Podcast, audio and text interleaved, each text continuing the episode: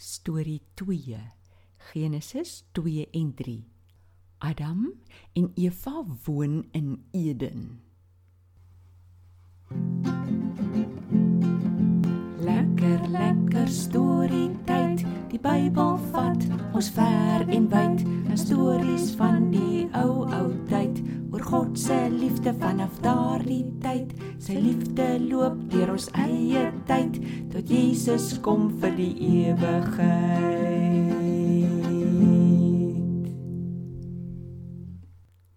Adam en Eva doen in die tuin, doen in die tuin. O, hallo almal. Hallo julle. Klink my Tobias is nog steeds aan die sing? Ja, Danny. Die storie van hoe God ons aarde mooi gemaak het, dat string hy so mooi dat ek sanger nog steeds sing. Maar nou donder ek oor Adam en Eva wat in daai tuin gedoen het.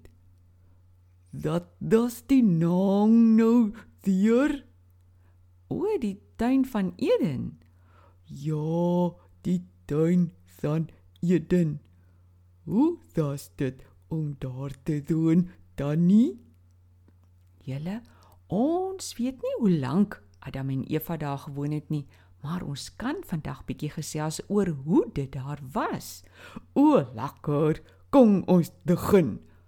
Dat het hulle geëet. God het mos self die tuin aangelê. Vir die wilde diere het hy al die groen plante gegee om te eet. Daar was oorgenoeg vir almal. Vir die mense het God die vrugtebome gegee. Daar was baie bome in die tuin. Hulle was pragtig, so mooi om na te kyk. En die vrugte, dit was heerlik, sappig, soet. Elkeen met sy eie heerlike smaak. Adam en Eva het gesmil aan die vrugte. O, my mond water nou. Myne ook. Daar was ook twee bome met snaakse name. Ons het al gehoor van die een boom met die naam die boom van kennis van goed en kwaad. Die ander boom se naam was die boom van die lewe. Klink my die twee bome het in die middel van die tuin gestaan. Hoe het hulle vrugte gesnook? Nee, van daardie vrugte het Adam en Eva nie geëet nie. God het gevra dat hulle asseblief nie van die boom van kennis van goed en kwaad moet eet nie. Hulle sal doodgaan as hulle daarvan eet. Hoekom het God so 'n ding daar in die tuin gesit? Een van die redes was dat God vir Adam en Eva so liefgehad het dat hy vir hulle keuses wou gee. Hulle kon kies om God te gehoorsaam en nie van daai boom te eet nie. Want daardeur het hulle gewys hoe lief is hulle vir God. Hulle het ook gewys dat hulle God vertrou, dat hy die beste weet. Toe hy gesê het, hulle moet maar daai boom se vrugte uitlos. O, ek dink ek verstaan. Daddy, dat het hulle aangetrek. Dis nou 'n interessante vraag. Weet julle? Hulle het glad nie klere gedra nie. Niks nie. O, oh, hoekom nie? Tobias, omdat die mense gekies het om aan God gehoorsaam te wees en nie van daai een boom te eet nie, het hulle niks van lelike dinge geweet nie. Hulle het nie eers besef dat hulle klere kort nie, want Adam en Eva se verhouding met mekaar was sonder enige foute. Hulle was baie lief vir mekaar. Hulle het niks in hulle gedagtes weggesteek vir mekaar nie. Hulle was nie skaam nie en was nooit lelik met mekaar nie. Maar dan was daar seker ook nie winter dat hulle laat koud kry nie.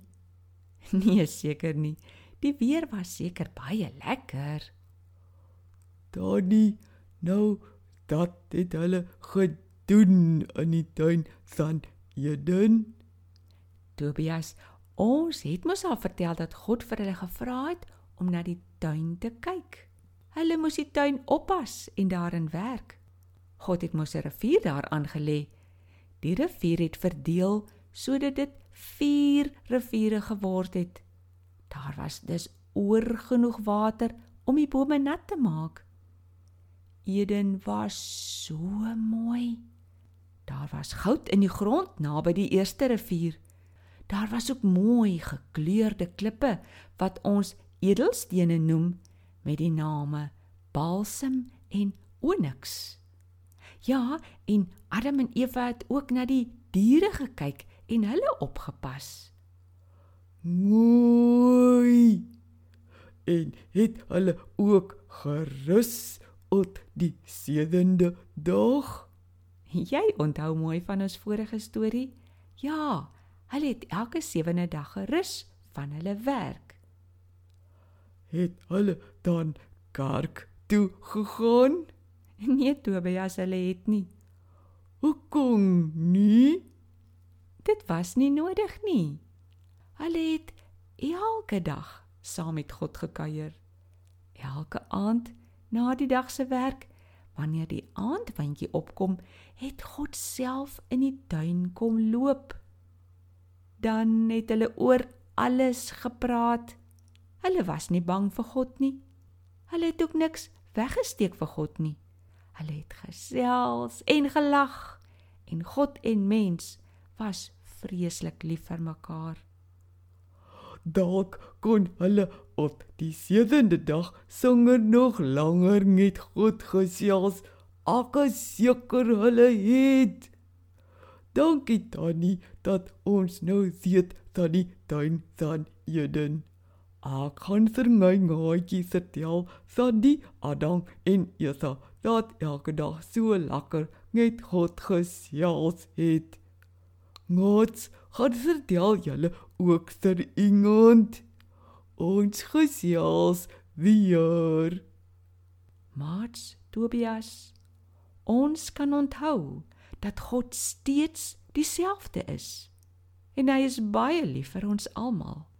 Hy wil steeds hê ons moet so met hom gesels en hy met ons. Ons gesels later meer daaroor. Totsiens, tot volgende keer.